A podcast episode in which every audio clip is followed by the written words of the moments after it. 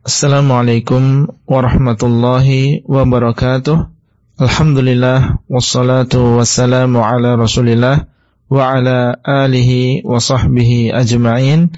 Halaqah yang kelima dari silsilah ilmiah mengenal Allah adalah tentang mengenal Allah sebagai satu-satunya zat yang berhak disembah. Apabila Allah adalah satu-satunya zat yang mencipta, memberikan rezeki dan juga mengatur alam semesta, maka kita dituntut untuk tidak menyembah kecuali hanya kepada Allah. Tidak ada yang berhak disembah dan diibadai kecuali Allah semata. Allah Subhanahu wa taala berfirman, "Ya ayyuhan nasu ubudu rabbakumul ladzi khalaqakum wal ladzina min qablikum la'allakum tattaqun." الذي جعل لكم الأرض فراشا والسماء بناء وأنزل من السماء ماء فأخرج به من الثمرات رزقا لكم فلا تجعلوا لله أندادا وأنتم تعلمون.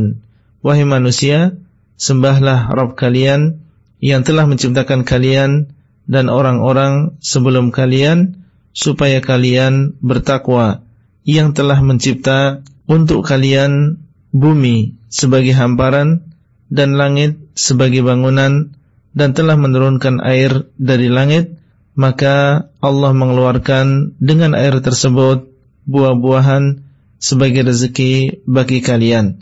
Maka janganlah kalian menjadikan bagi Allah sekutu-sekutu sedangkan kalian mengetahui. Maksudnya, janganlah kalian menyekutukan Allah, menyembah kepada selain Allah, sedangkan kalian mengetahui bahwa Allah yang mencipta, memberikan rezeki dan juga mengatur alam semesta ini. Selain Allah tidak berhak untuk disembah karena Dia bukan pencipta, bukan pemberi rezeki dan bukan pengatur alam semesta.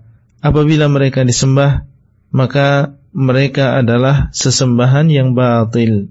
Allah berfirman, "Dzalika bi anna Allah huwal haqqu wa anna ma yad'una min dunihi huwal batil."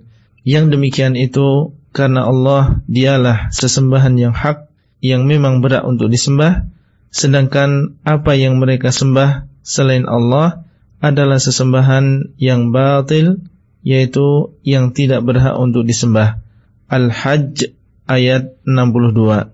Apabila seseorang meyakini Allah yang mencipta, memberikan rezeki dan juga mengatur alam semesta, kemudian dia masih menyembah kepada selain Allah atau menyerahkan sebagian ibadah kepada selain Allah, maka dia telah berbuat syirik kepada Allah di dalam ibadah. Rasulullah sallallahu alaihi wasallam pernah ditanya oleh salah seorang sahabat, "Wahai Rasulullah, apa dosa yang paling besar di sisi Allah?" Maka beliau sallallahu alaihi wasallam bersabda, "An taj'ala lillahi niddan wa huwa khalaqak." Dosa yang paling besar adalah engkau menjadikan sekutu bagi Allah padahal dialah yang telah menciptakan dirimu. Hadis riwayat Al-Bukhari dan Muslim. Itulah yang bisa kita sampaikan pada halakoh kali ini dan sampai bertemu kembali pada halakoh selanjutnya. Wassalamualaikum warahmatullahi wabarakatuh. Abdullah Rai di kota Al-Madinah.